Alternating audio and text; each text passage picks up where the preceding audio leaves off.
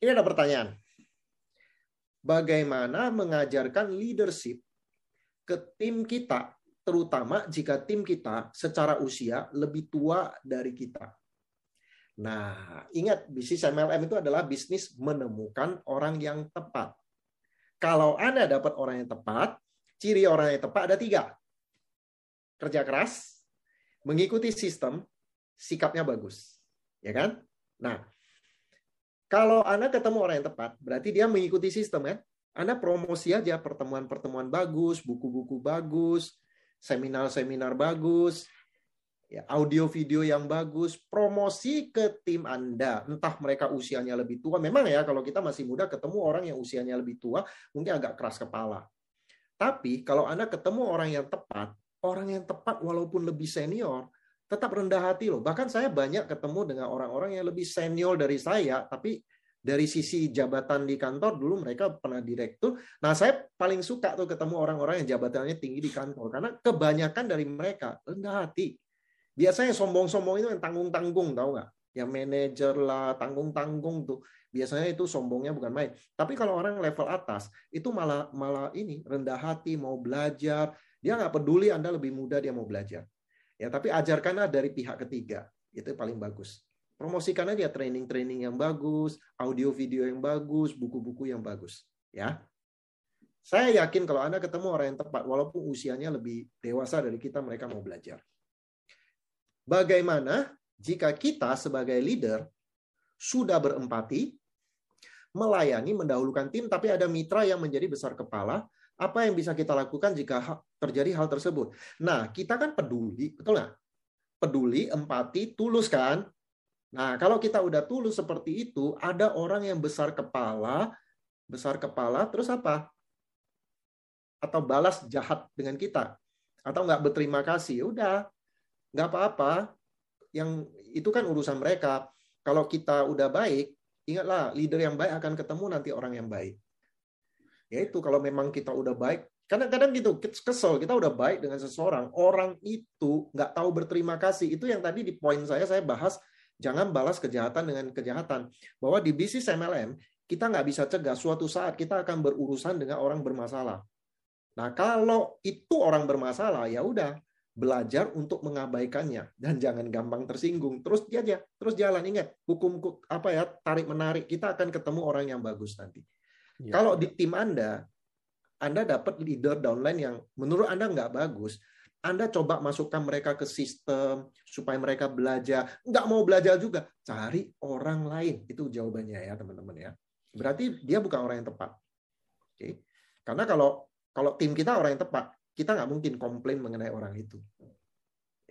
Dalam kita saya, saya nggak pernah komplain domain saya yang orang-orang hebat semua. Nggak pernah komplain karena mereka orang yang tepat. Kalau kita komplain berarti bukan orang yang tepat. Coba masukkan mereka ke sistem mau belajar nggak? Kalau nggak mau ya udah, tetaplah berbuat baik. Anda kalau udah peduli, udah udah apa empati, tulus. Kalau mereka tetap uh, nggak berterima kasih ya udah nggak apa-apa. Ya.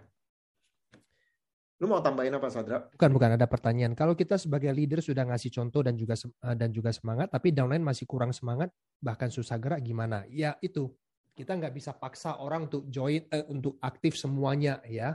Tadi yang Pak Suprato udah kasih tahu ya pertanyaan orang klasik. Hah? Apa? Pertanyaan klasik. Ya, pertanyaan tiga ya tiga ciri orang yang tepat tadi udah dikasih tahu ke Pak Suprato. Ingat ya, orang yang bergabung di tim kita sebagian besar hanya customer pakai produk, sebagian kecil jalan.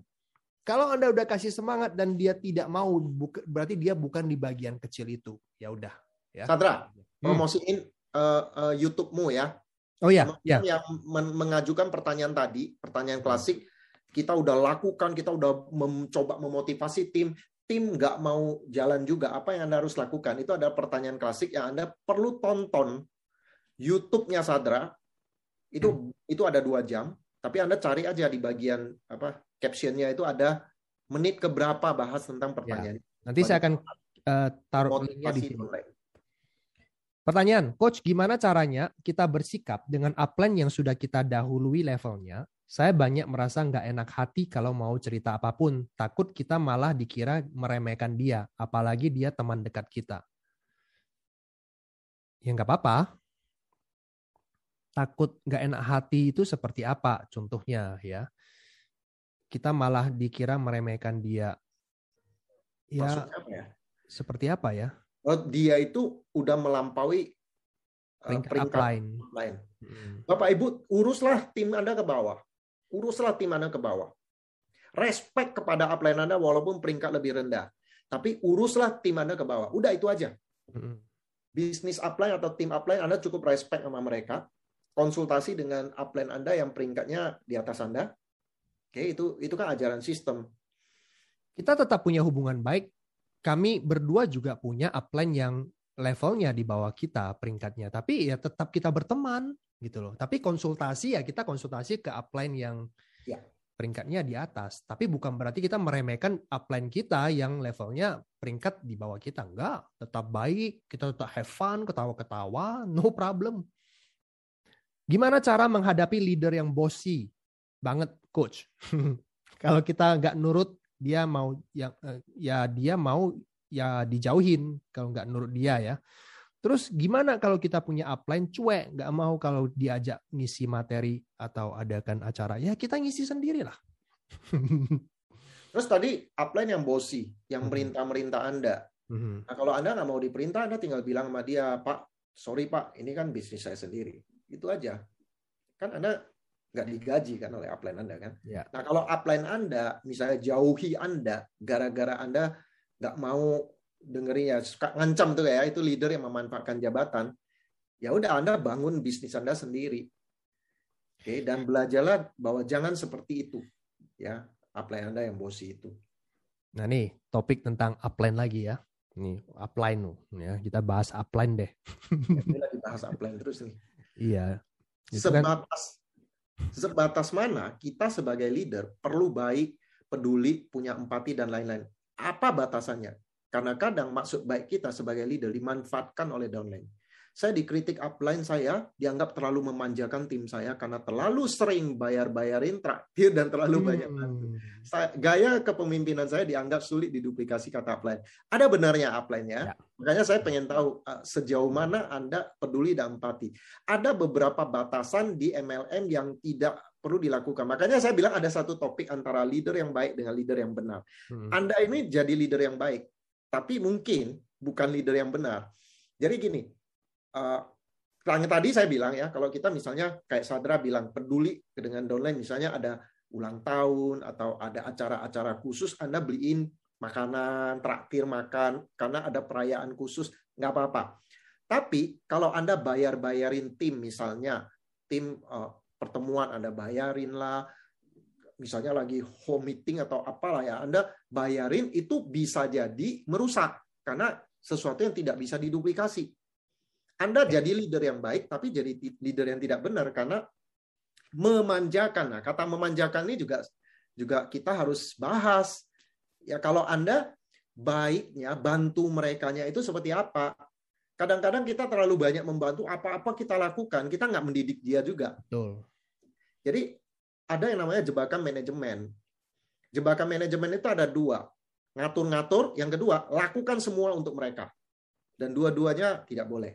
Jadi Anda harus membantu mereka sambil melatih mereka. Itu yang benar. Oke. Okay? Ya. Melakukan semua untuk downline Anda kelihatannya baik, tapi tidak benar. Makanya jadilah leader yang benar, bukan leader yang baik. Dan menjadi leader yang benar itu sebuah tantangan, teman-teman.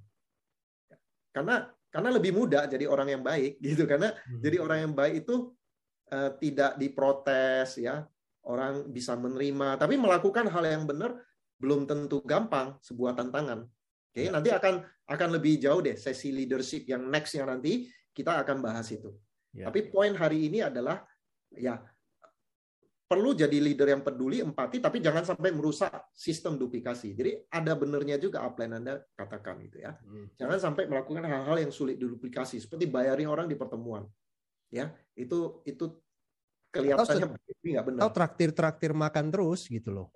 Ya, padahal ini adalah pertemuan bisnis. Ya, kita kita lagi kumpul nih, ya. kumpul lagi lagi apa ya apa namanya lagi meeting nih. Ya, tapi Anda terus yang bayarin gitu loh. Ya. Nah, biasanya yang kami lakukan adalah udah bayar masing-masing. Supaya mudah diduplikasi ya. ya. Mudah diduplikasi. Beda kalau Anda ada event ter, apa ada acara tertentu yang Anda mau traktir ya itu itu urusan Anda. Tapi kalau ini masih dalam ranah bisnis, meeting bisnis di cafe bayar masing-masing. Ya. Nah, terus leader baik dan benar. Misalnya pertemuan ada kualifikasinya. Misalnya 15 planner meeting. Mm-hmm. Ini khusus untuk yang 15 kali presentasi per bulan. Lalu downline Anda datang minta tolong, "Up, ini saya baru 13 kali masih kurang dua kali lagi. Izinkan saya dong masuk pertemuan kali ini. Please, saya pengen belajar. Lalu Anda bilang, ya udahlah, oke lah, silakan deh masuk supaya kamu bisa belajar. Kelihatannya Anda leader yang baik, tapi tidak benar. Karena Anda merusak attitude dari domain Anda dengan mengizinkan dia memasuki pertemuan yang ada syaratnya. Ya, hmm. jadi hati-hati antara baik dengan benar. Karena dia masuk dan dia akan bilang, ah ini jangan-jangan yang duduk di sebelah sana juga nggak ya. lulus ya. seperti saya tuh. Ya. seperti itu ya. Anda merusak sistem. Oh, ya. ini pertanyaan. Saya memiliki leader di jaringan saya yang sering menyerobot prospekan atau member di bawahnya. Selain itu banyak under undernya yang berkeluh kesah kepada saya tentang tidak nyaman downline terhadap leadernya. Lalu bagaimana penengah saya harus lalu sebagai penengah saya harus bagaimana? Ini upline lagi nih. Hmm, upline-nya serobot downline. Kalau leader menyerobot itu kan masalah etika. Hmm, tegur ya. Ya, kalau misalnya itu masalah aturan, ya Anda tegakkan dong, karena karena itu diserobotnya gimana? Itu itu juga nggak jelas ya. Karena kalau orang prospek hmm. itu belum join, itu hak siapa aja. Hmm. Kalau diserobot itu berarti masalah etika, ya, bukan masalah aturan. Tapi kalau downline prospek ini sudah join, lalu ditarik juga ke ke pindah jaringan gitulah istilahnya pindah jaringan itu melanggar aturan itu bisa diperkarakan. Tapi kalau leader itu prospek itu belum join lalu diserobot oleh oleh upline atau leader itu namanya pelanggaran etika gitu. Memang nggak bisa diapa-apain karena belum join kan tapi masalah etika. Nah kalau menurut saya seperti ini uh, leader leader yang tukang serobot itu yang membangun reputasi buruk dia sendiri sih. Ya, kalau itu bukan masalah hukum ya nggak bisa ditindak apa-apa, paling paling uh, diomongin atau apa. Cuma masalahnya leader itu yang nggak punya etika itu yang merusak reputasinya sendiri.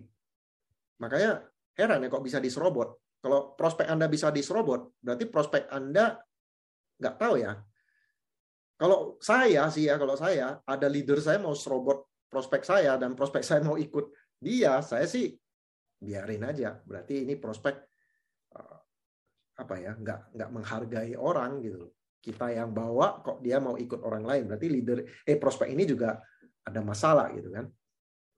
Apakah katup kepemimpinan dipengaruhi juga oleh visi dari seorang leader? Jelas, jelas iya. Jadi ini saya nggak sempat bahas tadi ya, tadi yang namanya pengaruh. Salah satu cara untuk meningkatkan pengaruh, selain yang tadi kita bahas yang belum sempat saya bahas, adalah visi. Ya, cuman saya nggak sempat bahas. Jika iya, bagaimana caranya seorang leader untuk tidak sampai kehilangan visi di bisnis MLM agar kepemimpinan kita tidak stagnan atau menurun. Jadi visi itu ada hubungan dengan optimisme. Ya, visi dengan optimisme itu dekat. Ya. Nah, anda kalau nggak optimis, Anda nggak bisa punya visi yang jelas. Oke, visi itu kan semacam Anda melihat bisnis Anda ke depan. Kalau Anda nggak optimis, Anda nggak bisa punya visi yang jelas. Nah, oleh sebab itu, bangunlah optimisme Anda. Anda harus sangat optimis dengan bisnis Anda ke depan nanti. Caranya gimana? Untuk membangun optimisme, Anda harus sering lihat orang-orang yang sukses di bisnis Anda, bicara dengan orang-orang yang sukses, ya hadir di pertemuan, lihat seminar-seminar orang yang sukses. Upline Anda yang leadernya yang udah peringkat atas, Anda sering ngobrol dengan mereka. Ya, optimis untuk bangun bisnis yang lebih besar lagi. Visi ya. Jadi visi itu beda dengan impian ya. Anda udah tahu bedanya visi sama impian ya. Kalau impian tuh Anda punya sendiri yang menguatkan Anda, membuat Anda semangat kerja. Itu impian. Tapi kalau impian Anda itu Anda komunikasikan dengan orang lain, ya Anda ceritakan ke downline sehingga Anda downline tahu impian Anda itu namanya visi. Jadi visi itu adalah impian yang dikomunikasikan ke orang-orang lain sehingga orang lain tahu ya mengenai impian Anda. Itu namanya visi. Jadi Anda harus terus perkuat visi Anda ya. Kalau karena visi itu adalah salah satu cara untuk uh, memberikan pengaruh supaya orang mau ikut Anda. Jadi kalau misalnya Anda lihat seseorang lagi pergi ke satu tempat, Anda tanya orang itu, eh Pak mau ke mana? Terus orang itu bilang, nggak tahu, nggak jelas. Nah, nggak ada yang mau ikut karena visinya nggak jelas. Tapi kalau orang itu bilang, oh saya mau ke tempat di sana, itu katanya ada pemandangan indah banget. Dari sini nggak jauh dari sana. Nah, kalau dia punya optimisme seperti itu, visinya jelas, orang mau ikut. Ya. Jadi jelas visi itu salah satu faktor pengaruh. Nah, ini pertanyaan ya. lagi. Saya punya teman yang kenal juga dengan downline saya, oke? Okay? Saya sudah minta dia untuk ngajak biar kita bertemuan, biar kita ketemuan. Saya bantu closing buat downline saya.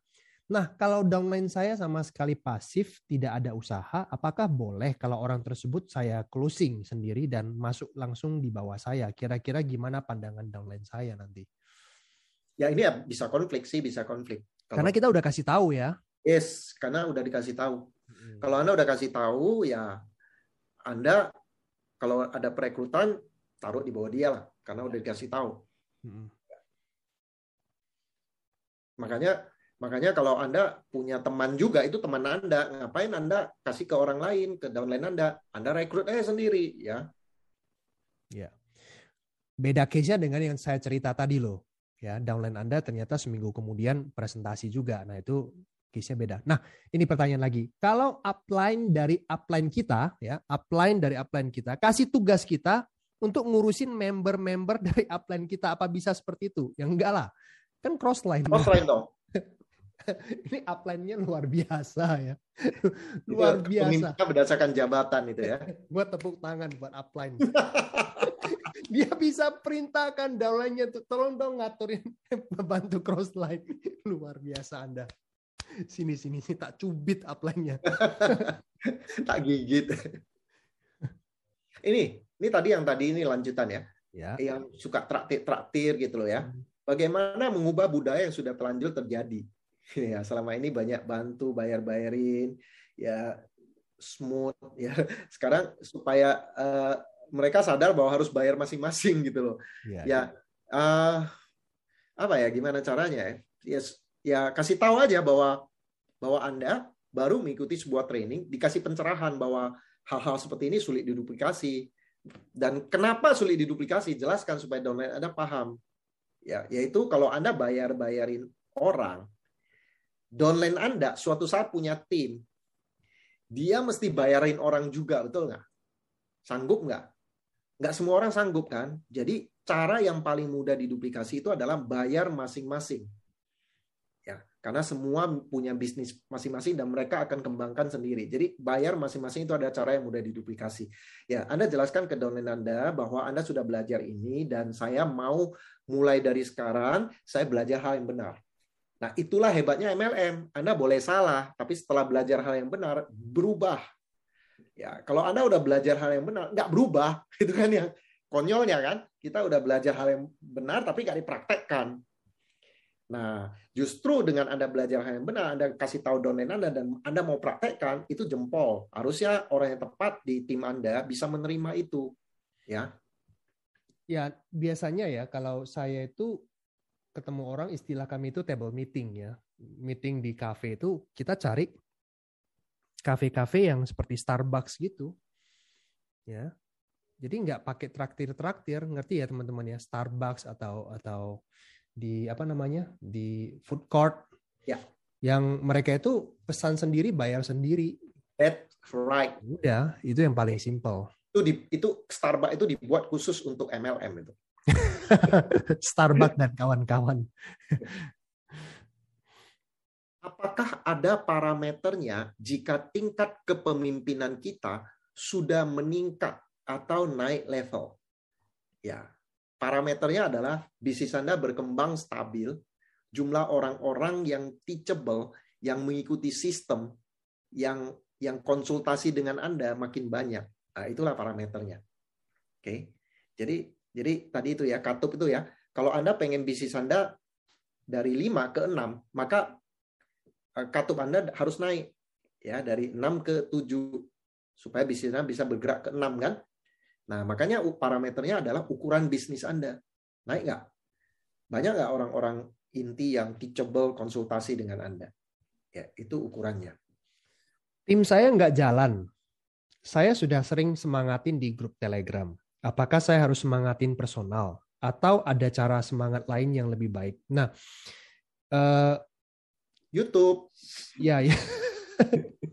semangat di grup, semangatin tim. Jadi gini loh, teman-teman misalkan lah ya sebenarnya kita nggak perlu semangat semangatin downline terus ya tapi in case ya ada beberapa orang yang memang perlu di follow up ya memang harus secara personal anda ketemu sama mereka gitu nggak bisa hanya sekedar di grup eh hey guys semangat nonton video ini ya bla bla bla nggak personal ya kita harus zoom ketemu mereka gali impian mereka tapi kalau misalkan udah digali impian mereka dan mereka masih ah, banyak alasan, ya udah, Anda harus sponsori orang lain, gitu dia ya. Habisin waktu Anda ke orang-orang yang itu-itu aja dan berharap mereka berkembang. Enggak, Anda udah gali impian, udah coba gali daftar nama dan tetap dia nggak bergerak, berarti dia mungkin untuk saat ini bukan orang yang tepat. Dan Anda nggak bisa hanya lakukan di grup WhatsApp atau grup Telegram, tapi Anda harus personal melakukannya. Ya nanti saya akan share uh, di YouTube, uh, share YouTube-nya ya. Ya ini ini mengenai duplikasi bayar masing-masing kalau lagi makan apa apa itu perlu teman-teman budayakan ya. Jangan sampai menciptakan kondisi di mana ada upline yang takut takut diajak oleh downline makan ya karena apa upline-nya tahu pasti dia yang bayar kan jadi itu sampai ada upline yang menghilang selesai acara OPP itu. Upline buru-buru hilang. Takut disuruh makan-makan. Jadi ya ah, makan-makan bayarin bayarin seperti itu adalah hal yang tidak bisa diduplikasi.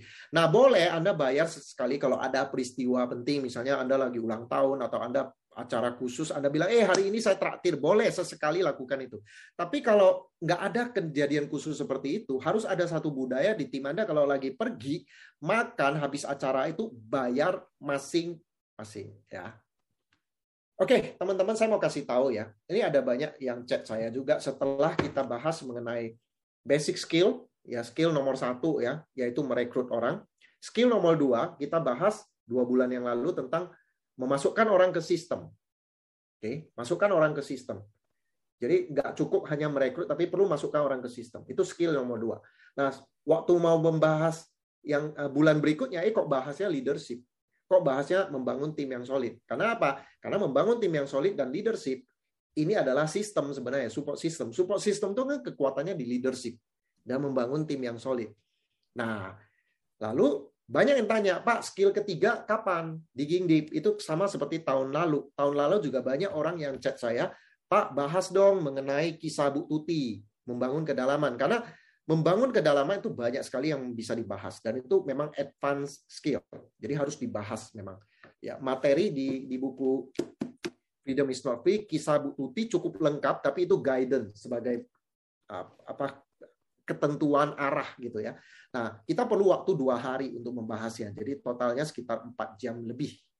Ya, dan tahun lalu kita sudah lakukan padat banget ya banyak ilmu-ilmu baru di sharing di situ. Jadi makanya kemarin ini kok banyak yang nanya Pak kenapa kak kita nggak lanjut ke skill yang ketiga tapi kita dahului dengan leadership dulu kan nah itu sebabnya next training kita kembali ke D3 ya duplication and digging deep membangun kedalaman itu adalah third skill yang sangat penting kalau teman-teman ingin freedom. Dan third skill ini sebenarnya goal, goal Anda. Tujuan Anda membangun MLM itu bukan sekedar merekrut-rekrut, bukan sekedar memasukkan orang ke sistem, tapi ada tujuannya, ada strateginya, yaitu bekerja ke dalam supaya tercipta kestabilan. Ya, jadi teman-teman lanjutkan belajar di sesi uh, bulan depan. Ya. Oke. Pertanyaan, bagaimana menyikapi downline yang lebih nyaman dengan crossline. Padahal kalau dia konsultasi dan butuh saya ketika home meeting atau acara support system, saya selalu ready.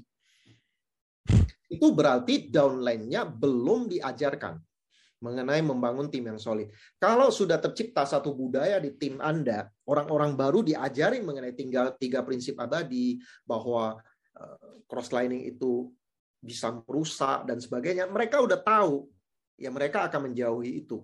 Kecuali ada beberapa orang yang attitude-nya nggak benar. Ya kalau udah diajarin ya, tetap aja lakukan kayak gitu. Itu berarti masalah di attitude. Nggak mau mengikuti sistem.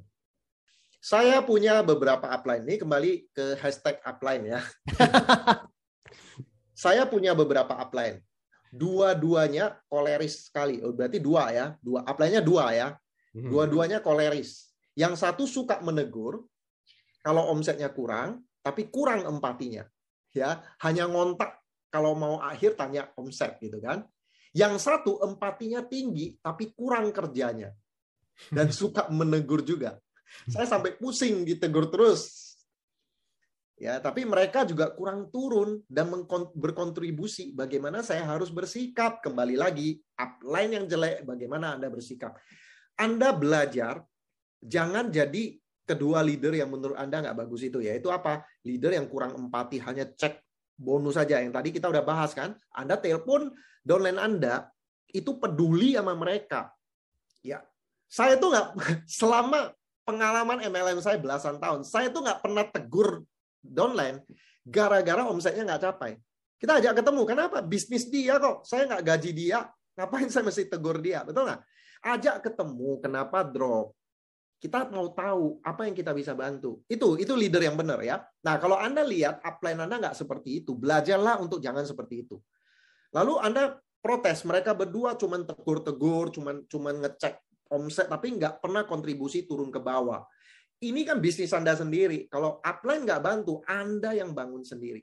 Ya, you do it. You bangun sendiri. ya Dan belajar untuk jangan seperti itu. Oke? Okay? Anda nggak mungkin marahin upline Anda. Ya, nasib Anda dapat upline seperti itu. ya. Tapi Anda belajar untuk jangan seperti itu. Ya, bangun ke bawah dengan benar. Gitu ya. Ini ada pertanyaan bagus juga. Apakah boleh kita kerjasama dengan cross line di suatu daerah karena kita belum mempunyai tim yang memadai? Misalnya kita buat seminar bareng atau home sharing. Yang penting Anda tahu aturannya bahwa tidak konsultasi soal bisnis. Kalau untuk membuat seminar bareng is okay. Karena itu juga yang saya lakukan di awal-awal, ya. Mau sukseskan kota ini, tim saya butuh gesekan, kita bikin acara bareng-bareng kerjasama untuk sukseskan acara itu. Kita nggak setelah selesai kita makan bareng-bareng, eh tahu nggak upline saya itu seperti gini-gini loh. Lu lihat coba pohon jaringan saya. Menurut kamu nih ya, lebih bagus seperti apa? Kita nggak bahas itu. Yang kita bahas adalah, eh bro, nanti uh, untuk next acara kamu bawain produk ya, saya bawain marketing plan. Nanti setelah itu kita impact leader-leader. Nah itu boleh. Ya, MC-nya nanti kita pilih dari grup kamu aja dulu ya. Nanti nanti untuk next next week nanti dari grup saya. Nanti next week dari grup saya yang bicara produk, kamu nanti uh, tentang marketing plan-nya. Bahas-bahas seperti itu sah-sah aja. Itu namanya good team player. But no cross lining. Oke, pertanyaan, Pak, saya kalau punya prospek kan di uh, dan masih dalam proses follow up, downline saya karena kenal dengan prospekan saya itu dia ikut-ikutan follow up nyerobot dan bilang ke dan bilang ke saya untuk kasih closingan sponsornya buat dia. Dan saya turuti satu kali, dua kali. Jadinya terus-terusan seperti itu. Suka nyerobot prospekan saya yang sudah masuk ke Zoom. Kalau seperti itu gimana ya Pak? Bahkan, Memang punya ya, downline kayak gitu. Itu memang. hak mau kasih atau enggak? Bahkan downline saya ini juga menyerobot prospekan downline-nya sendiri juga. Ah. Banyak yang lapor ke saya. Jadinya apakah ini semua karena saya yang salah didik dia karena kasih-kasih sponsor saya tadi? Ya, uh, makanya uh, minta dia belajar untuk tangan di atas lebih baik. Ngasih orang jangan minta-minta, jangan punya mental pengemis. Itu suruh dia baca buku uh, Freedom is not free halaman 219. Ini ada masalah attitude di downline Anda yang suka minta-minta itu. But, uh, suruh dia baca ya halaman 219 dari buku Freedom is not free. Jadi menegur itu paling enak itu kasih buku uh, buku atau pihak ketiga lah. Nah ini tangan di atas lebih baik. Ya. Jadi di buku ini eh di di bab ini bab berapa itu ya? Bab 32.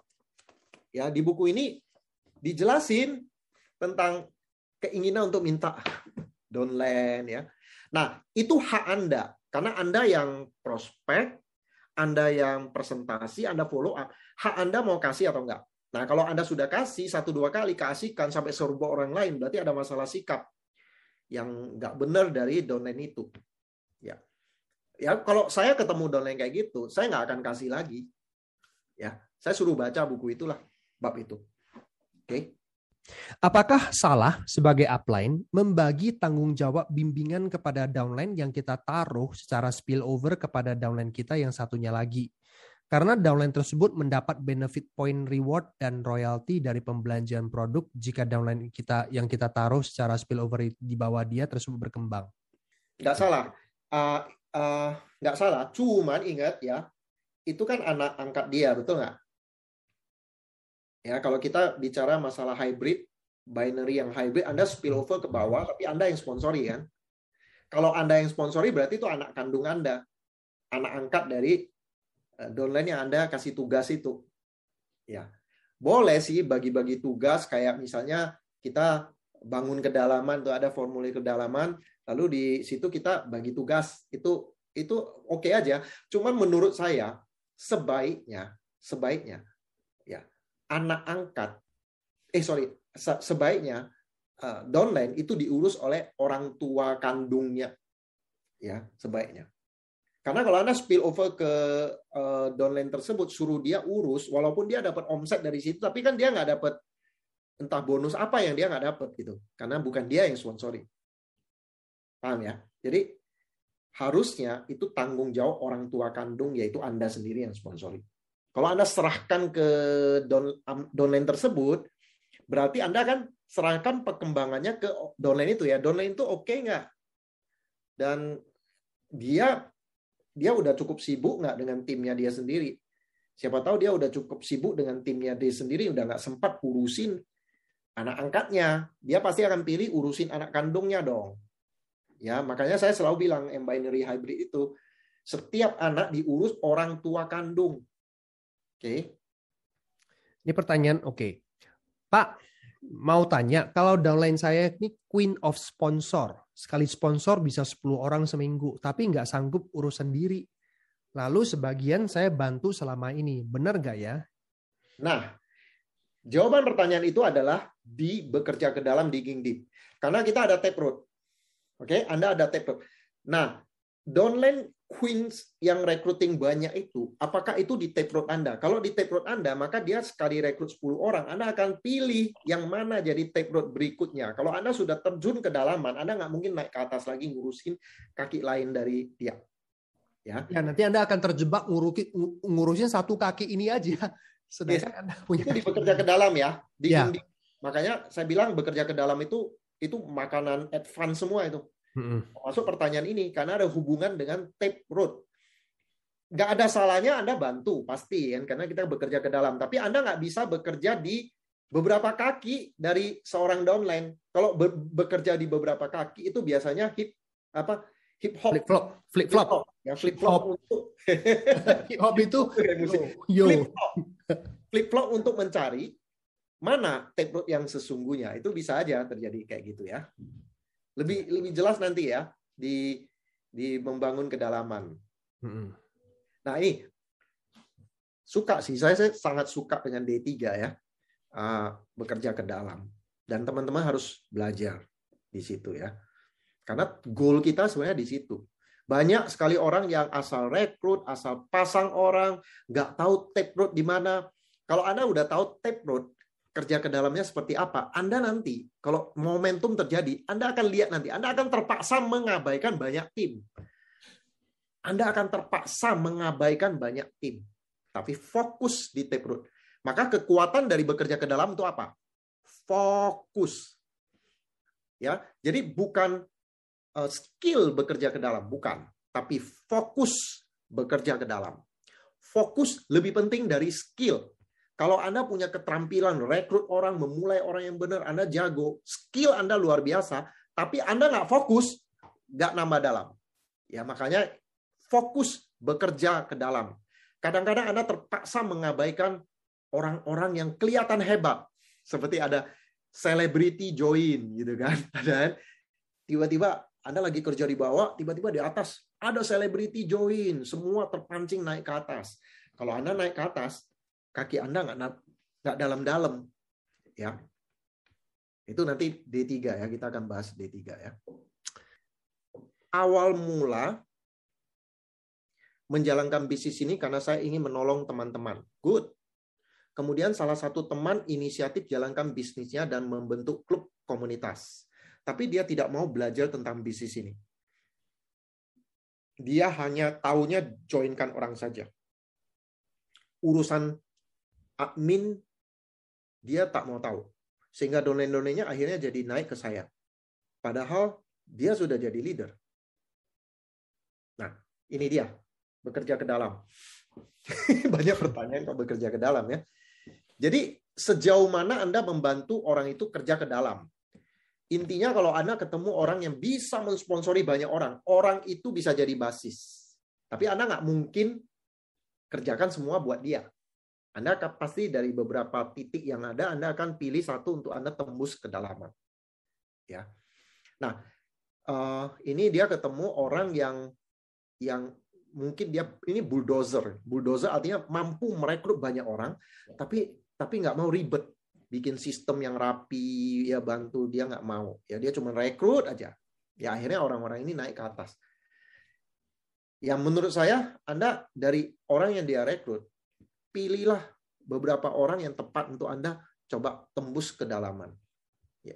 sehingga akhirnya ya satu jalur juga kita itu nggak mungkin membangun dua atau tiga kaki dari dari orang nggak mungkin itu namanya jebakan manajemen Ya, Anda bisa lakukan Zoom, ya. Misalkan rame nih orang-orang bagus ya. Nah, Anda nggak mungkin kan bisa handle semua kan. Nah, Anda lakukan Zoom, Anda kasih briefing di sana. Perkenalkan alat bantu yang mereka bisa gunakan untuk mengembangkan bisnisnya, misalkan buku Freedom atau uh, kalau ada seminar-seminar untuk pelatihan di perusahaan Anda, Anda Anda promosikan. Ya, atau Anda gunakan acara networking guru untuk melengkapi mereka. Itu dia ya. Tapi nanti waktu kerja ya Anda akan kerja di taproot. Ya. Ini ini terkait dengan yang lanjutan tadi yang anak kandung dan uh, anak angkat itu ya bapak kandung bapak angkat itu kalau apa bagaimana kalau misalnya 50% bapak kandung 50% bapak angkat boleh nggak boleh aja boleh aja kalau itu berjalan dengan baik karena itu semua tergantung orang yang Anda kasih tanggung jawab ya, itu orangnya benar nggak? Betul nggak 50% dia lakukan? Hmm. Kalau enggak, ya tetap aja tanggung jawab di bapak kandung. Kalau saya, saya saya dulu pernah di spill over oleh upline, ya satu tim di bawah, dan upline tuh minta saya handle semua. Saya lakukan, saya lakukan juga walaupun saya bukan yang sponsori itu anak-anak tiri ya, tetap saya lakukan juga gitu. Kalau saya ya, tapi kan nggak semua orang Eh, mau komitmen seperti itu. Bagi tugas 50-50 itu bagus loh. Tapi mau nggak? Kalau dia nggak mau ya apa boleh buat. Menurut saya itu ada tanggung jawab orang tua kandung.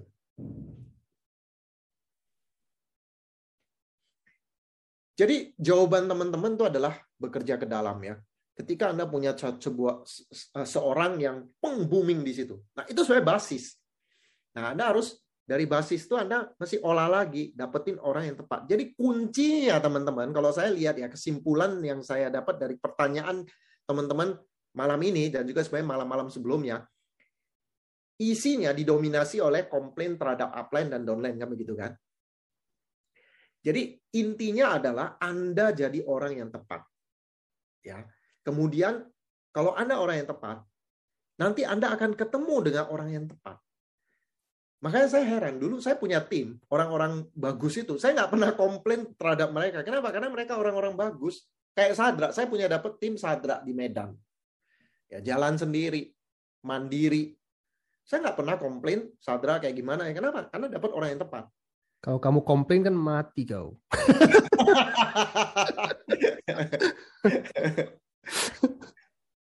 Eh, jadi kita komplain karena dapat orang yang nggak tepat. Kok komplain ke atas, menurut saya upline udah upline udah. Saya saya juga punya ya upline yang bagus, upline yang jelek juga punya, tapi upline jelek ngapain saya pikirin? Bukan urusan saya. Ini bisnis saya sendiri. Yang jadi tanggung saya ke bawah. Upline yang bagus saya kerjasama. Saya respect. Kalau upline yang nggak bagus, yang menurut kita nggak cocok visinya, udah saya cuekin aja. Ini bisnis saya sendiri kok. Ya. Saya nggak perlu ini gimana ya upline saya ini karena kayak udah cuekin aja itu. Ya. Nggak ada dia pun kita hidup kok. Fokus ke bawah. Nah, mengenai downline, don, ada downline saya komplain terus, berarti bukan dia orang yang tepat. Ya, Anda masih dapetin orang yang lebih bagus dari kita. Dapat orang yang lebih bagus dari kita. Kayak dulu saya berjuang, saya rekrut 60-70 orang untuk menemukan empat orang yang lebih bagus dari saya. Ya, 60-70 orang loh saya rekrut untuk mendapat empat orang yang lebih bagus dari saya di mana saya nggak perlu komplain empat orang itu ya jadi kunci MLM itu mendapatkan orang yang tepat orang yang lebih bagus dari kita kalau anda dapat orang yang yang bukan orang yang tepat anda akan komplain. Tahu nggak? Saya 60 sampai 70 orang. Saya cuma dapat empat. Tujuh sih sebenarnya jalan tiga belum jadi ya. Empat tambah tiga tujuh kaki yang jalan ya. Nah yang lainnya nggak jalan, ada yang setengah-setengah, ada yang attitude-nya nggak bener, oh, udah tak biarin, nggak sempat saya urusin. Ya, kalau mau diurusin capek. Nah kalau teman-teman rekrutnya nggak banyak, biasanya ya kita akan berurusan dengan orang-orang yang nggak tepat dan kita akan komplain terus. Kalau anda nggak terus merekrut orang, terus merekrut orang itu penting banget ya. Saya ada, uh, kenal ada leader yang top ya income-nya udah miliaran teman-teman ya chat saya mengatakan bahwa wow rekrut orang baru itu semangat ya seru ya ya bayangkan loh bapak ibu udah top leader ya income udah gede banget masih merasakan senengnya merekrut orang baru dan membangun tim baru nah anda kalau cuma rekrut 10 orang bonus anda belum gede kenapa nggak rekrut lagi bangun tim yang baru dapat orang yang bagus bapak ibu kalau Anda masih terus banyak komplain, berarti tim Anda nggak bagus. Kurang banyak. Terus saja rekrut orang. Terus dapetin orang yang lebih bagus. Kadang-kadang kita pikir, ini bagus nih, bagus nih. Ya, jangan delegasi. Ingat bekerja ke dalam nanti ya, di, di ya. Jangan delegasi. Bangun terus ke dalam. Mumpung orang ini mau rekrut orang banyak. Ini kesempatan bagi kita untuk dapetin orang berikutnya di bawah dia. Ya, Nah, kadang-kadang orang ini kita pikir orang yang tepat, ternyata bukan dia. Kalau kita belum sempat ketemu orang di bawah dia, itulah seperti kisah Bu Tuti kan, akhirnya orang ini hilang. Kenapa? Karena kita delegasi. Harusnya you do it, kita kerja ke bawah terus. Dapetin orang-orang bagus lagi. Kita akan banyak komplain Bapak Ibu terhadap downline kita kalau kita belum dapat orang yang bagus. Ya, dan e, bercermin terus, bercermin ya Kadang-kadang kita yang salah. Kita belum belum lengkap lakukan. Mungkin belum ada sistem yang kita terapkan, belum ada materi pendidikan yang belum yang bisa kita kita perlengkapi ke orang-orang baru. Nah, itu yang perlu terus kita tingkatkan. Makanya teman-teman ikut training kan supaya tahu kelemahannya apa sih, apa yang masih kurang dilakukan, sistem Anda masih bisa nggak disempurnakan supaya memberikan eh, iklim tanah yang bagus supaya orang-orang yang tepat masuk tumbuh gitu ya. Okay. Ada orang tua tiri suka ikut campur tim suka ikut campur tim anak tirinya bukan mengurus anak kandungnya. Padahal anak tirinya itu sudah leader, tetapi orang tua tiri ini seperti mau mendapat pengakuan dari seluruh tim under dia. Sehingga anak tirinya pun punya tim ditarik ke orang tua tirinya. Gimana solusinya, Pak? ini kan lu mesti kasih hashtag hashtag orang tua tiri hashtag upline ribet banget ini ya udah yeah. apa meribatkan orang tua tiri ini udah tapi gini lah kalau kalau menurut saya ya walaupun dia orang tua tiri kan itu tetap upline dia kalau dia mau ikut campur dan apa yang dia katakan itu masih on track on system ya udah anggap aja dia mau membantu. Memang ada orang-orang tertentu yang mau mendapatkan pengakuan gitu loh. Ya udah dikasih aja. Yang penting masih on track. Kalau tidak on track dikasih tahu. Toh itu kan bukan cross line, itu kan di satu role juga. Itu menurut saya. Itu itu versi saya. Karena kan ini harus dikonsultasikan lebih dalam kan. Tapi kalau dari lihat kalimat itu ya ya udahlah. Yang penting dia itu sifatnya membangun, bukan bukan meracunin ya. Itu sih. Toh masih ya. upline. Walaupun ya. walaupun orang tua tiri, tapi kan orang tua tiri nggak selamanya kejam. So, yang kejam itu kalau apa? Uh, Bu tiri biasa. Tiri ya. gini gini gini ya. Nah, kita komplain nih upline orang tua tiri ikut campur di tim bawah kita. Nah, kuncinya adalah Anda jadi leader yang bagus. Kita, kita ya. ya. Anda, kita jadi leader yang bagus. Downline Anda juga kan bisa menilai siapa yang benar. Oke. Okay? Mungkin awal-awal terkecoh, tapi secara jangka panjang, saya bilang yang namanya sikap dan karakter yang dibangun berdasarkan prinsip yang benar, itu nggak bisa dihilangkan dan nggak bisa dimanipulasi. Yang bisa dimanipulasi itu adalah people, people skill. skill.